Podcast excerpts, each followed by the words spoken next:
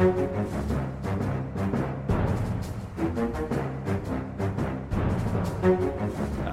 men Da ønsker vi velkommen rett og slett til en ny Aftenpodden. Jeg heter Lars Lomnes med Trine Eilertsen. Hallo.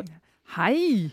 Så positiv. Jeg skulle ikke tro at du har vært på sånn pessimistisk medieseminar hele formiddagen. Ja, ja, ja. Ledersamling der vi ser fremover. Du vet, I vår bransje så er ikke det noe å bli glad Men nå har jeg bodd så lenge på Østlandet at jeg har lært at litt sånn høy lerkekvitrelyd i sånn hei! Det er bra. Hilsen, hilsen Sara. Eller, det, det lå en eller annen slags eh, Det lå en eller annen liten fornærmelse der, eh, Sara. Altså Fram til det gikk bra helt til den her lerkereferansen kom inn. Da kjente jeg selvtilliten falt litt igjen.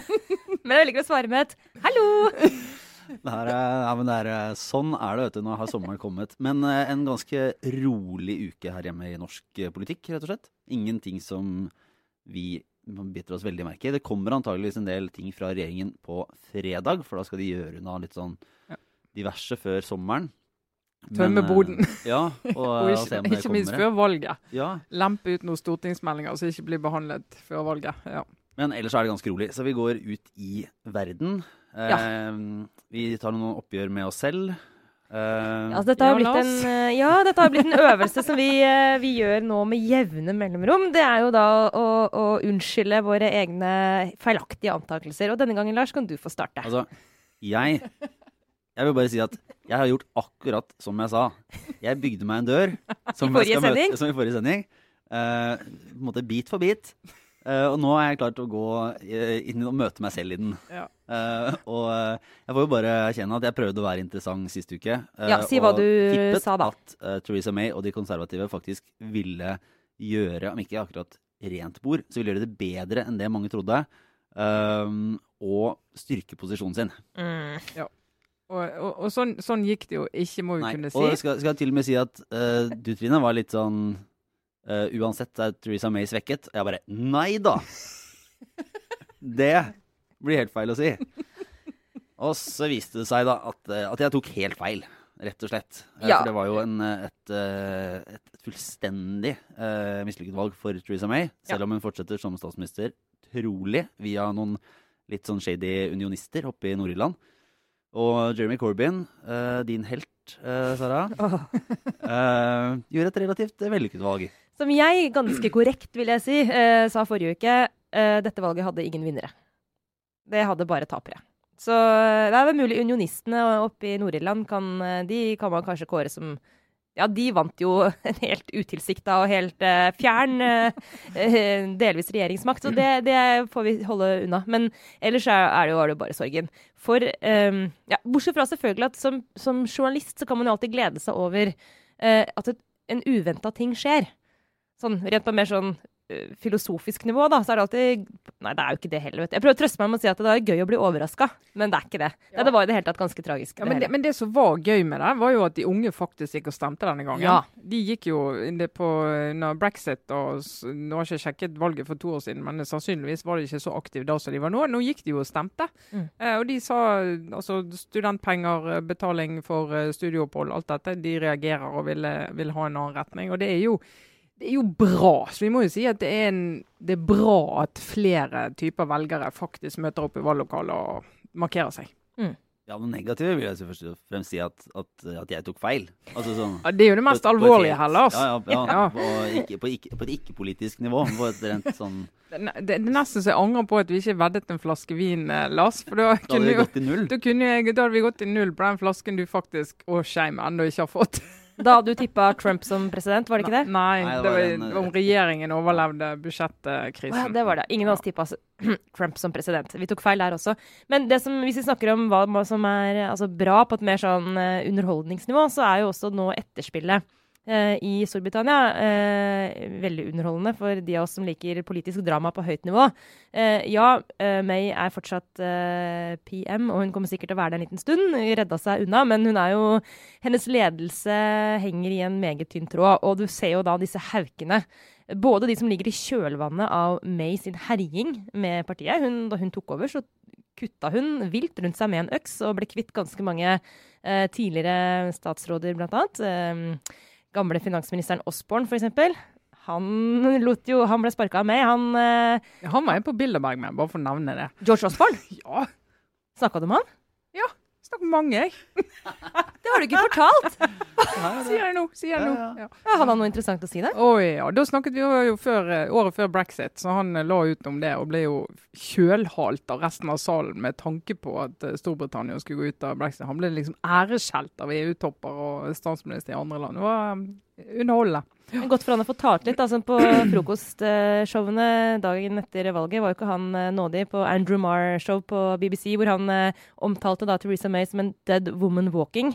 Eh, og eneste interessante spørsmål rundt henne nå var hvor lenge hun skal sitte på death row før hun er ferdig som, som leder i, i Det fine i, eh, i Storbritannia nå er jo at George Osborne har blitt redaktør i London-avisa Evening Standard. Ja, han ble da som altså, May han var jo en veldig innflytelsesrik finansminister under um, forrige regime. Uh, ble sparket av Theresa May og gikk da, som du sier, Lars, rett inn i journalistikken. Det er litt som at Siv Jensen skulle plutselig bli sjefredaktør i Dagbladet. Og så uten bitterhet overhodet i, Det er fascinerende, fordi det er mange som, eh, som er veldig fornøyd med altså Evening Standard har jo vært ganske gode, etter det jeg har forstått. Fordi potensielt eh, redaktøren har en del gode kilder i, en sånn, i et parti som kjemper mot hverandre med nebb og klør. Ja, og han var jo også det var morsomt å se det. det ligger, vi får ikke sett BBC eh, i Norge sånn for de av oss som ikke har, har det på abonnementet vårt hjemme, men de legger ut sånne klipp fra, de, fra bl.a. dette Andrew Marr-show.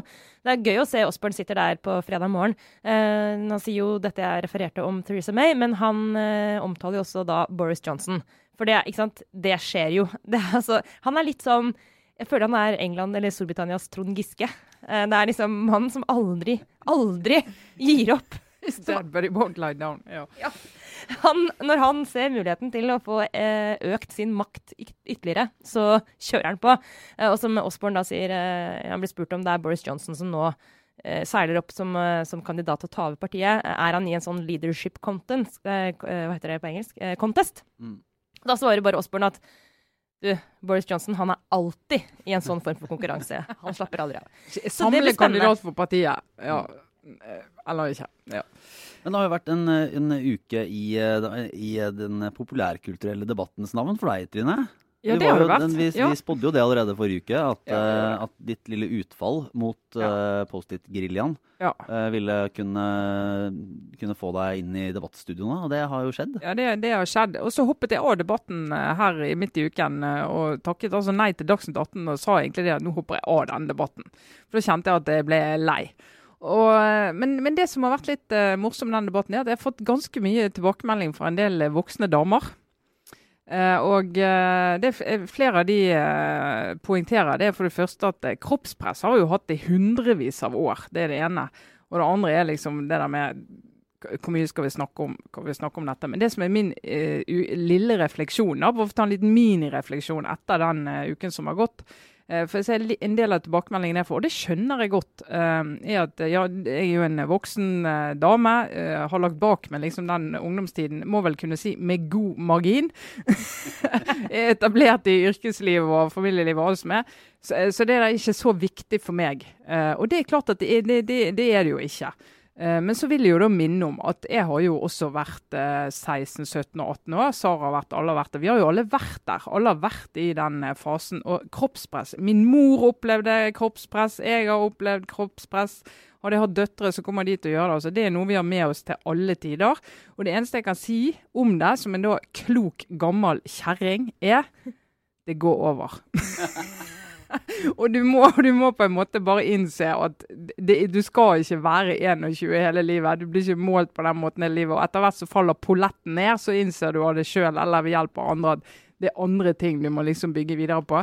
Men å tro at du får 17-åringer til liksom plutselig bestemme seg for at det ikke er viktig hvordan de ser ut og hvordan andre vurderer de, det er forfengt. Men vi må bare se fremover. Det går over. Det går bra. Det går bra med de fleste. Eneste trøsten med å bli liksom gammel og øh, håper å si gammel og stygg. Men det Gammel og grå, kan jeg grå. faktisk si.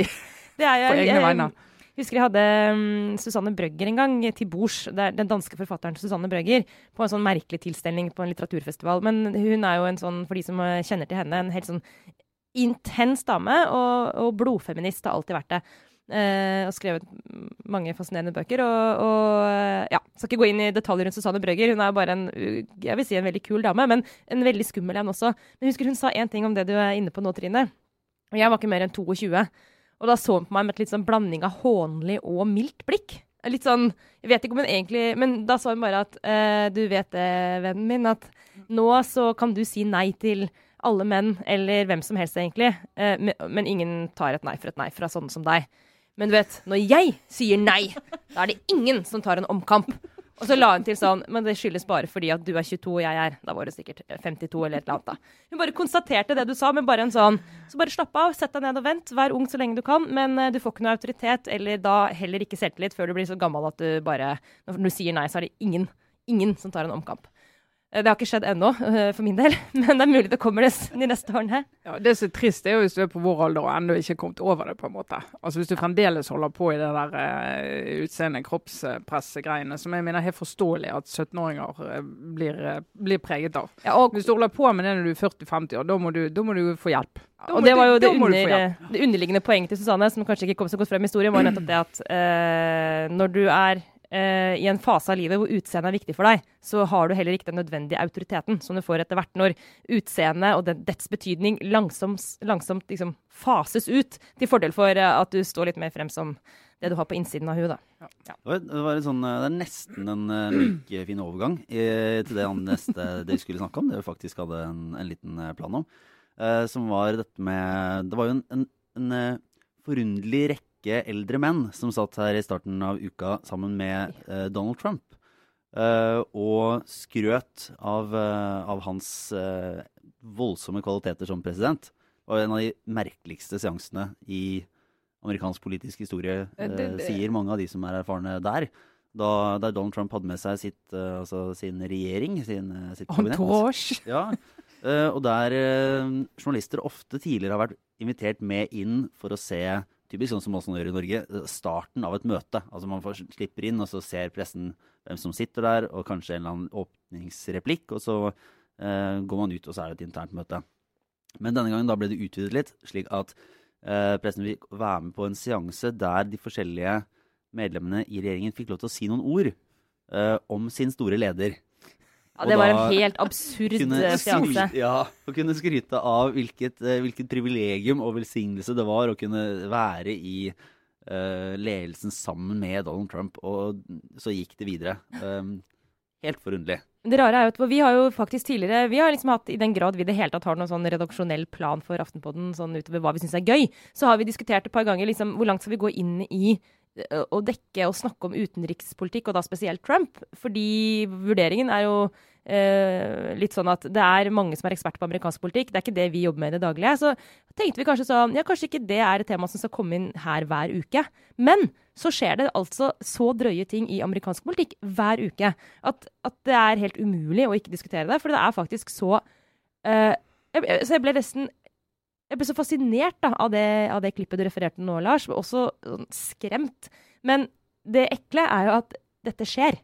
Uh, i virkeligheten. Så vi må forholde oss til det. Og det er det vi gjør akkurat nå. når vi snakker om det. Så viser det seg jo gang på gang at ekspertene ikke vet så fryktelig mye uansett. Ja. Så man kan like gjerne kaste uh, seg inn i det som er oss inn i det. Ja. og, så, og, dette handler jo om langt mer enn sånn feinschmeck amerikansk ja. politikk. Fordi altså, Det som egentlig var også betraktningen videre etter å ha sett det klippet, som bare i seg selv er veldig merkelig, er eh, denne gjengen som stadig er rundt Donald Trump, og den forunderlige Altså, de er så gamle. Jeg ble den der, Det sitter folk som er sånn 70 år og styrer da verden, og det, det, ser, det ser så rart ut. Jeg har så lite tiltro til at en mann på over 70 år skal være i stand til å gjøre den jobben skikkelig. Mm. Mener, det er masse flinke folk på over 70 år, men det er sånn ikke styr, ikke styr, verdens mektigste land. Ja, nei, nei altså, det, det, slo meg da du sa det, så tenkte jeg faktisk akkurat det samme. At jeg blir litt så nervøs av å se på det av den grunn. For jeg tenker altså hva forutsetning, rett og slett, og erfaring, relevant erfaring, har den gjengen til å ta de beslutningene de skal ta for alle de menneskene de tar det for. Og det er, jo, det er jo ikke mer noen år siden dette var på en måte normalen i regjeringer rundt i hele verden. Og så er vi i 2017, hvor eh, verden fyker forbi med digitalisering, klimautfordringer. Altså mange utfordringer som disse ikke vokste opp med. Eh, og som de ikke har under huden i det hele tatt. Og så skal de sitte og ta de beslutningene. Og de har ikke erfaringer som å være, å si, være kvinne, være minoritet, være noe som helst som er relevant i det samfunnet.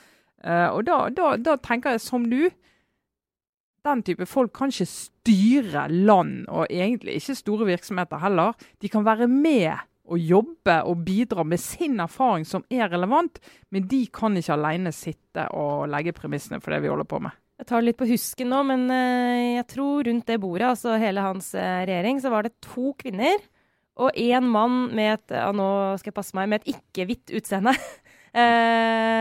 det, det, skal jeg sjekke etterpå, men det sier noe om styrkeforholdet. Resten var da um, ganske altså eldre, hvite menn.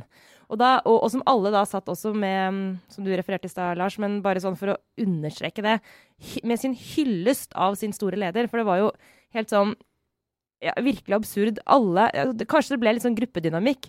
Trump skulle liksom gi de ordet én etter én, og så begynte den ene liksom først med å skryte av 'Jeg er så takknemlig for å få jobbe for deg, du store leder'. Ja, for Jeg tror ikke han har bedt de om å gjøre det. Jeg tror det rett og slett gikk galt når, først, når Mike Pence begynte, og så tenkte de andre at jeg kan ikke være dårlig. Det ble, det ble Asia. Det ble sånn nei, da kan ikke jeg være dårligere og hylle mindre. Og så ble det verre og verre. La oss håpe at det var sånn, da. Det kan jo være at han har bedt dem om å nei, skryte også. Da hadde vi jo visst det. For det lekker jo så sinnssykt at da hadde vi jo visst det. Så det har han nok ikke gjort. Men, de, men jeg lurte på, er det bare i Norge så er det jo en helt, en helt annen alderssammensetning i liksom, ledelsen. Det er jo ikke, Bortsett fra noen store private selskaper. altså Olav Thon er jo 100 uh, eh, og driver dette imperiet sitt.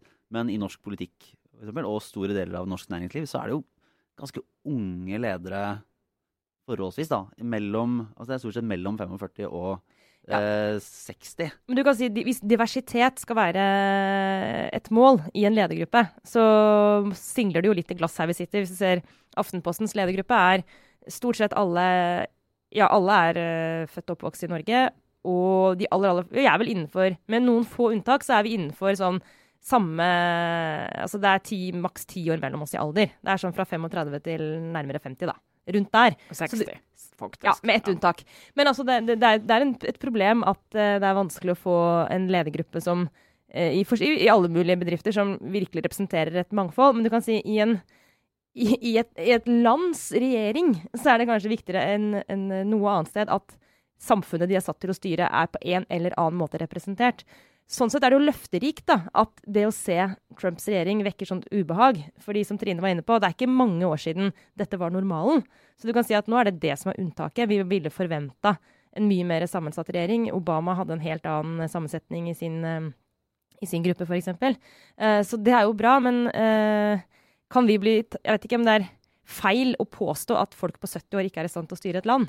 Men jeg tror i hvert fall det er feil å påstå Nei, at bare folk på 70 er i stand til å styre et land godt. Ja, det er vel mer det siste. Nå, nå, har vi snakket om før at jeg tror jo faktisk at folk på 70 ikke har eh, De fleste store flertallet har ikke kapasitet til å styre et land. Altså Det er sånn 24-7-jobb som Altså De færreste vanlige 40-åringer hadde liksom klart det.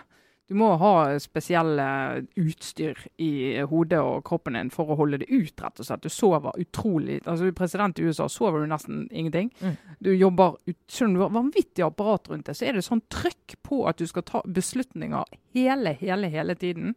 Så Jeg tror ikke du kan forstå hvor krevende og trøkket som er i å ha den jobben der. Så jeg mener helt sånn, Du bør være yngre, men du bør selvfølgelig ha sammensatt lag rundt deg som kan gi deg råd så du kan ta beslutningene dine. Men å være over 70 år og holde på med det, jeg mener det er uforsvarlig. Hæ? Ja. ja det er jo det. Vi setter med en Aftenpodden-regel eh, i statsområder over 70. Jeg trenger i hvert fall, i hvert fall veldig nær guiding og, og, kobling på yngre mennesker. Ja. Men uh, vi er uh, raske og effektive her, som alltid. Ja. Og så har vi mye å reflektere over denne uken. Ja, vi fortsetter egentlig litt med omvendt fortegn, i samme spor. Eh, jeg har også reflektert mye om dette med alder og eh, evne. og eh, denne uka har vi i Aftenposten brukt en del plass, faktisk hele del to i papiravisa, nå på mandag, på um, temanummer som vi har kalt for Eller hva skal vi kalle det for noe? Vi har kalt det for journalistikk rundt skam. Skamnummeret. Men det gir ikke så mye mening. Men vi har skrevet om um, hvordan det er for mange som vokser opp i samfunnet vårt, som er minoritetsjenter og gutter og den uh, verdenen de lever i, som er her midt iblant oss, men som mange av oss i majoritetsbefolkningen har problemer med å se. I hvert fall trenger litt hjelp til, kanskje å ta helt ordentlig innover oss. Uh, vi har skrevet om uh, unge jenter som lever med intens sosial kontroll, og som ender opp med, med, å måtte bryte med familien sin for å slippe unna. En familie som slett ikke mishandler dem eller er ondskapsfulle, men som, uh, som hun ene vi har snakket med, sier, de gir meg alt. Uh, bortsett fra én ting, og det er frihet. Så hun har valgt å bryte. Og det er journalistikk som vi har brukt mye tid på, som jeg mener er helt sånn kjempe Altså det er helt sånn tett på kjernen av det Aftenposten skal være, og den journalistikken som vi bør prioritere. Uh, og så har jeg sittet litt sånn på utsiden og sett på da de som har lagd disse sakene for oss. For det spinner ut av en redaksjon vi har som heter SIDE, som er debattredaksjon for unge mennesker. Og jeg må bare si, det å se hvordan den generasjonen behandler spørsmål rundt minoritetsbefolkningen, eh, det har vært interessant. For det er helt annerledes enn sånn som jeg er vant til at vi diskuterer de sakene der. Altså, de har en helt annen take på hele denne diskusjonen. Eh, og vi snakka litt om det før vi gikk i studio, at for jeg tror dere to er enige med meg at for liksom vår generasjon så har jo spørsmål rundt minoriteter, innvandring, eh, inkludering Det har alltid vært så utrolig politisert. sant? Det er veldig sånn definerende for hvordan du blir oppfattet, sant? hvor du står i, det, i, den saken. Så du har litt sånn Nei, jeg er en som er for, for innvandring. Jeg er en som er skeptisk til innvandring. Og så har jeg på en måte stått der og hakket. sant? Ja, og alltid, liksom, Det har alltid vært et veldig sånn intenst fagområde. sånn at Hvis du skulle da lage en sak som handlet om eh, innvandringsbefolkning på en eller annen måte, så ja, så måtte du liksom først snakke med noen kilder, og så måtte du jobbe veldig sånn aktivt med å finne noen på den andre siden igjen. For mm. å unngå liksom, slagside, og for å unngå at vi ble tatt i inntekt for et syn. Ja, jeg opplever at eh, de sakene vi har lagd nå, og de journalistene som har jobbet med det, de har en, altså for dem er ikke dette et sånt ja- eller nei-spørsmål, eller et veldig sånn uh, Ja, ikke så politisert. Det, dette er den virkeligheten de står i, som de alltid har stått i. Dette er det nye Norge. De er barn av det nye Norge. De skriver om sin tid. Uh, de problematiserer ting. De ser ting fra flere sider. Men de gjør det ikke med den der bagasjen som er at uh, du enten er du med oss, eller så er du med terroristene. Liksom. Den derre utrolig ja, sånn knipetanga. Mm. Nei, de, de, er veldig, veldig, Jeg er helt enig med deg, Sara. Jeg ser det samme. Og jeg ser at de, de, de, har det på en måte internalisert i seg at ja, Norge er jo flerkulturelt. Sånn er det. Og så det, det, snakker ikke vi om. Sånn er det bare. Eller, og, og, og, og, her er en problemstilling som angår mange nok til at det er relevant for, for oss å skrive om det. Og så går de i gang. Istedenfor alt sånn 'Å, dette er touchy tema, dette er ditt, dette er datt'. Det er selvfølgelig mange etiske dilemmaer, fordi det er jo jenter og gutter her som har brutt med familien og alt det der. Men liksom, det er mer sånn teknisk, sånn som det er på journalistikk av og til. Men det er ikke den der veldige overbygningen om at å, det, det er vanskelig å skrive om dette, for da vil noen tro at vi er skeptiske til innvandring. Ja, ikke sant, og hele den diskusjonen som vi har hatt, Det er lenge siden forresten, folkens. Vi har snakka om Sverige her i poden. Det er mulig vi må ja, det, ta det opp igjen. Jeg har tenkt et par ganger, Hva skjer med Sverige, ja. og hva skjer med Facebook-sida til Kjetil Rollenes? Ja, du, vet du hva, Vi må skjerpe oss litt, for her er, noen, her er det noen, vi har fått noen blindflekker. Men uh, får, ikke sant? det har vært et så frigjørende fravær av nettopp den eh, diskusjonen som er sånn ja, men kan vi skrive dette? Tenk om rasistene tar oss til inntekt for sitt syn. Eller nei, nå må vi passe oss så vi ikke fremstiller innvandringsbefolkningen på en negativ måte. Altså, alt det der, det har ikke engang vært et tema. Altså, og det har vært egentlig i ettertid så utrolig frigjørende for hele den journalistiske prosessen. Mm. Men det er jo vel kanskje også et det er jo, uh, Dette er jo journalistikk som, som, kommer ut av innlegg og tekster skrevet av subjektene selv. da. Mm. Ja. Uh, og da er det jo litt lettere, for da slipper jo redaksjonen på en måte å ta en sånn en egentlig vinkling ja. i dette ja. her. For dette er, det, det, baserer seg De på en subjektiv uh, opplevelse, og så viser vi fram det.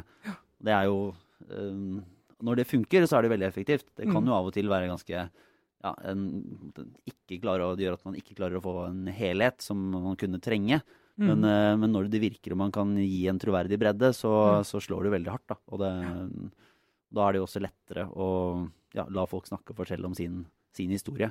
Mm. Nei, Det er interessant. og Det er intervjuet med de to eh, innvandrerguttene som fortalte om hvorfor søstrene deres er nødt til å være underlagt strengere regler enn de selv er. Eh, de snakker veldig åpent og fritt om det. og det er veldig sånn veldig uvanlig å lese det i norske medier.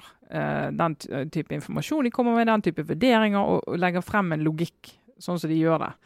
Og det er Ja. Jeg er glad, jeg er så glad for dette, Sara.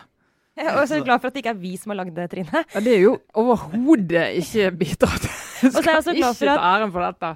Men det er også et sånt, eh, som Lars var inne på, veldig, eh, et ideal for journalistikken også generelt bør være nettopp at den kommer eh, flytende opp at den ikke blir satt og bestemt i et Excel-ark som, eh, som, vi i en ledergruppe har laget på et eh, seminar. Vi, jeg og Trine er jo egentlig på seminar i dag, så dette er vårt lille friminutt.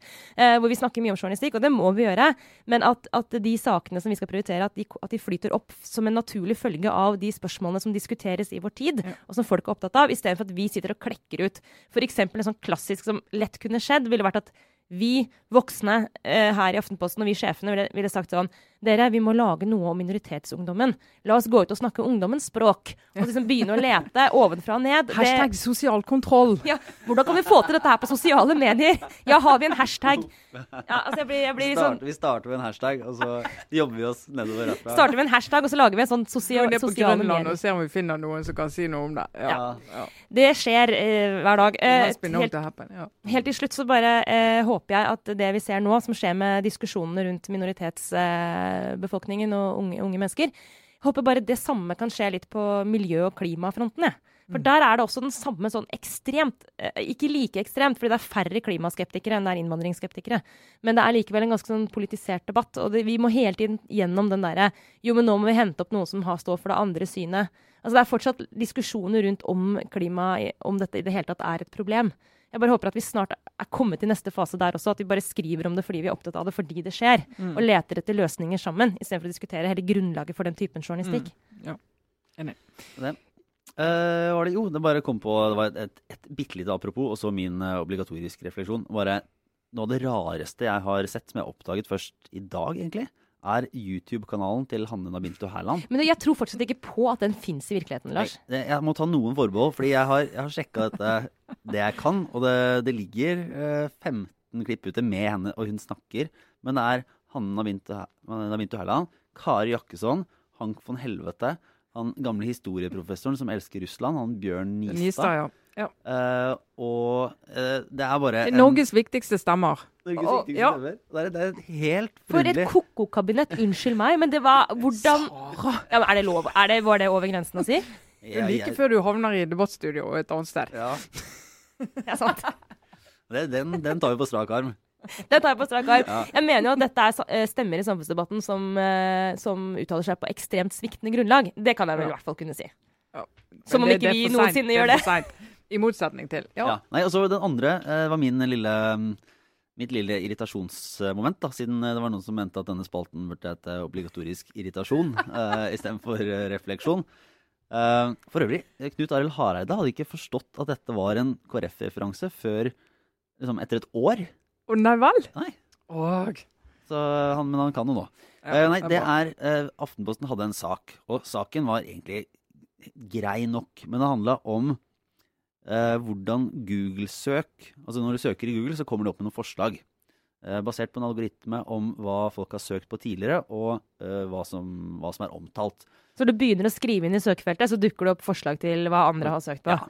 Alltid veldig var, alt veldig gøy. Og da var det sånn eh, Det ble på en måte oppdaget at det var denne 'Kvinner skal'. Eller noe sånt. Eller 'Kvinner bør', i hvert fall.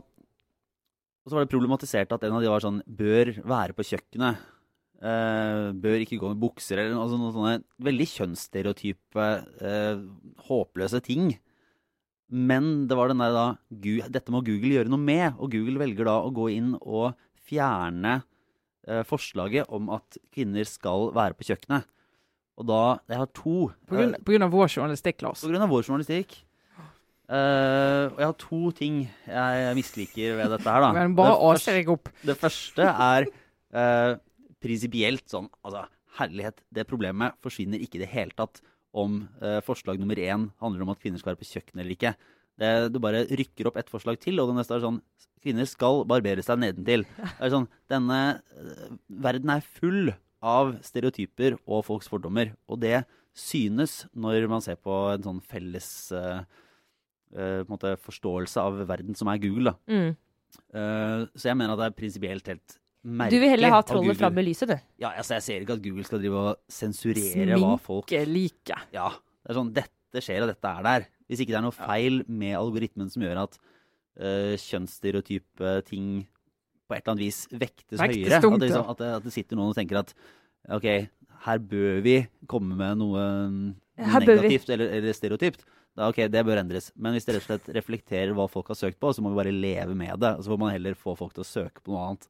Men her er du et ekte barn av din tid, Lars. fordi ref det vi snakket om i stad med sånn Skal vi fortelle denne historien eller ikke?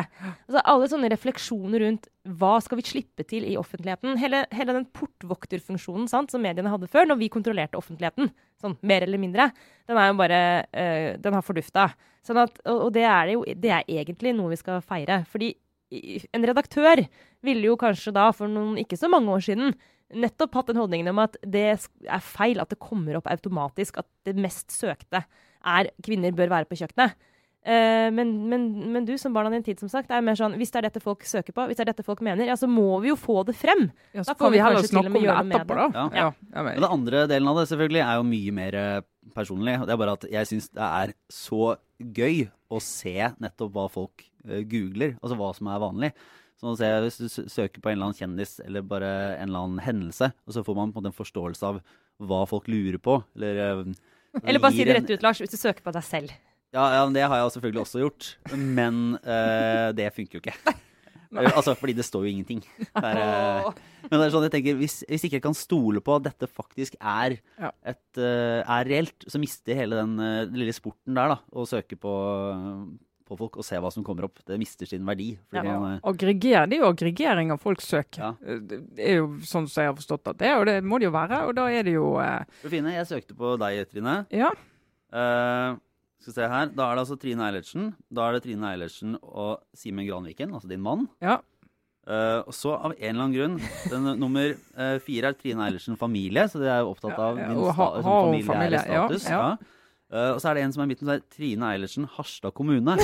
Uh, som, som jeg lurer på om er Jeg har, en jeg har, navnesøster jeg har som åtte eh, navnesøstre, og en av de er i Harstad kommune. ja, det er helt Hun er markant i Harstad kommune, da, kan Ja. man forutsette. Ja. Altså, det er ikke en hyllest til din, ditt engasjement for å få lagt ned Harstad kommune? Nei, nei, det er ikke det. det, er ikke det. Nei, Men det er jo klart, det, det der er jo interessant, og, og av og til enkelte søk på noen, Ja. noen mennesker. De blir, jo, de blir jo klistret til søk som er veldig aktuell akkurat en kort periode, men blir jo aldri kvitt det i livet sitt. Sara Sørheim, du har for øvrig eh, Sara Sørheim Aftenposten. Sara Sørheim kjæreste, så jeg er opptatt av din eh, status også.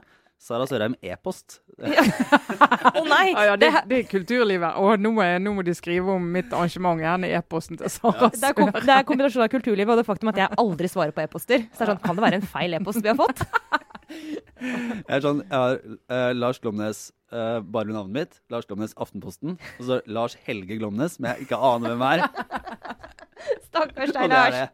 Du, vi, får gjøre, vi får ta ansvar for deg. Håper det snart kommer opp Lars Glomnes Aftenpodden, da, i det minste. I det minste. ja, det- ja. I det minste. Ass. Kunne noen være så snill å søke ti ganger på det, så løser Ja, det seg vel. vi Takk. Vi sjekker neste uke, det hadde vært gøy. Ja, nei, min, eh, min eh, OR Jeg vil eh, hylle Erik Sk- Skutle. Som eh, stortingsrepresentant for Høyre fra eh, Holland, som var på Ikea i helgen. og kjørte med sin bil og hadde kjøpt På mange eh, måter Høyres litt sånn komirepresentant. ja, og det som er så gøy med han, det er at hans første svar på alt, det er å bare finne på noe, på en måte. Sånn at eh, det blir, det blir, ah, Han klarer sjøl å gjøre historien verre og verre og verre. Så han fortalte, han ble jo, Det ble jo tatt bilde av han eh, der han kom kjørende med bil og stoppet av politiet ved svære kasser. Så helt sånn uh, sigøynerleir ut. Altså, hvis Bagasjen på taket var større enn bilen. Det var på en måte problemet med den klassiker, vet du, når du har vært på Ikea og du tenker å ja, jeg skulle visst hatt tilhenger, det har jeg ikke, vi legger det på taket. Men så det, det, blir han stoppet, så sitter jo han passasjeren med armen ut av, eh, ut av vinduet og holder oppå den ene kassen, så ikke han skal skli av. Og så sier Skutle nei, det var ikke derfor han bare skulle bare sjekke han, at han var festet. Det er Og som han har så- sydd fast med noe hyssing eller noe, de her Ja, store Og det er jo så fabelaktig. Og da kom jeg jo på min egen eh, skutlegeit. Jeg har jo bodd i Bergen sentrum eh, og skulle drev og flyttet på masse ting. Og da hadde jeg en, eh, en kollega i BT som jeg ikke skal nevne navn på, for han var helt angst av hele denne historien. For han var sjåfør, nemlig. Så han som hadde mistet lappen. Men vi skulle frakte en sofa ut til mine foreldre. Eh, Som jeg hadde lånt av de i en sånn kassebil. Og så, eh, For det første var det ikke plass til sofaen inne, så vi måtte sitte med dørene åpne. Så hadde de sånn syltetøystrikk eh, rundt dørhåndtaket. syltetøystrikk Så når og tyggis. Men så var det liksom, denne, denne sofaen kan jo skli ut, for vi bare satt den inn i, inn i kassebilen. Så, så da satt jeg meg innerst i, i sofaen. Så satt jeg i sofaen hele veien hjem til mine foreldre. Det var sånn 20 minutter kjøretur på, på det nærmeste du kommer motorvei rundt Bergen. Eh, og Der satt jeg, og da var det litt sånn Ja, hvis vi ser en politibil, da må vi ta av. Det var sånn, bare sånn et sånn vektstangprinsipp. Vektstangprinsipp. Okay, Ja, så Men jeg kan si eh, at jeg har aldri kjørt så ulovlig i bil noensinne som jeg har kjørt i en politibil. Nei, nettopp. Så det- ligget baki. Nei, altså med bar mitt barn. Og det, det, jeg tror jeg kan si det uten å risikere å bli straffeforfulgt, for det var ikke jeg, det var ikke min feil. Men vi kjørte helt kort, da. Eh, vi fikk motorstopp inne i festningstunnelen her i Oslo. Med vår datter på da fire måneder i bilen. Det var, det var relativt stressende, for å si det sånn. Bilen vår bare stoppa. Vi hadde en sånn gammel, dårlig bil, og, og så vi gikk inn i en sånn havarilomme inni tunnelen. Oh. Der kan man ta opp en telefon, og så kommer man rett til en sånn mann som hjelper deg. Eh, og bare OK, vi kommer og henter deg, liksom. Så vi bare sto der med, bare inni den lille havarilomma med babyen i sånn der babystol. Sånn bilstol. Mm. Og så kom det en politibil veldig kort tid etter og bare åpna liksom dørene bak der hvor du, det som er arresten, liksom. Hva heter, altså den der hvor de slenger inn de som er fulle og de som er uh, blitt arrestert. Så, så jeg satt bare, på en sånn resten av kunnskapen om hvordan politiet opererer, er kun fra tegnefilm. ja, men jeg, ble, jeg og min eh, samboer og babyen ble bare kasta inn der. Jeg satt da på en sånn benk bak i Svarte-Maria med liksom bare holdt babystolen med babyen i. I mine egne hender. Altså Det var ikke sikkerhetsbelte i mils omkrets. Det tror jeg må ha vært det mest ulovlige jeg har kjørt. Så, så Trine, du, du Ja, er ikke ja. Det alene. var nesten altså. en sånn Theresa May Hva er det villeste du har gjort? Nei, jeg har løpt gjennom en åker, og det likte ikke bonden. Var, jeg nekter å tro at det er det verste du har gjort i en bil. Ikke Eh, det, det er det verste jeg har gjort i en bil, som kan sies i offentligheten. Okay. Ja. Ja, Men vi kom på Twitter. Vi ja. kom på Oslo Politi Obs sin Twitter-kanal, hvor det sto 'Familie på tre reddet fra havari Ja, i eh, tunnelen'. Så det er jo en slags suksess. Nå tror jeg det her er i ferd med å rakne. Ja, vi må, vi må Eh, for dere skal videre på Ja. seminar. Ja. Eh, det, jo, det som nå er den lille um, annonseringstingen. Fordi vi kan si fra allerede nå at når valgkampen nærmer seg, så trapper vi opp for alvor. Og da blir det uh, turer rundt om i landet. Mm. Så vi kommer til å være i Bergen og uh, Tromsø og Trondheim. Mm. Og så kommer vi til å være en, eh, ha en live-ting under Arendalsuka. Mhm. To, kanskje, til og med. Kanskje, kanskje ikke. Vi får se. Vi får se. Et eller annet på Sørlandet. Ja. Ja. Så det gleder vi oss veldig til. Det kommer til å bli forhåpentligvis lagt ut en form for billetter ganske snart, sånn at vi har et visst, en viss eh, tanke om eh, hvor mange som gidder å komme. Om Ja. vi skal ha det i en telefonkiosk eller i et, eh, en kafé. Eller hjemme hos noen. Eller Bare, bare ringe. Ja. Denne, dette er en idé som vokser under- underveis. Eh, ellers eh, så er det Facebook-siden eh, vår, rett og slett. Vår feed ap.no slash eh, Aftenpodden. Og så håper vi at folk går inn til iTunes og gir oss eh, ros og ris og det som måtte være. Og så blir det jo snart en form for sommerferie, men ikke helt ennå. Ikke helt ennå. På ingen uke. måte. Yes, vi høres måte. neste uke. Og så lurer vi og finner en løsning for, eh, for når vi er tilbake. Ja. Fint, fint. Takk for i dag. Trine Eilertsen, Sara Sørheim, jeg Lars Lomnes. Ha det bra.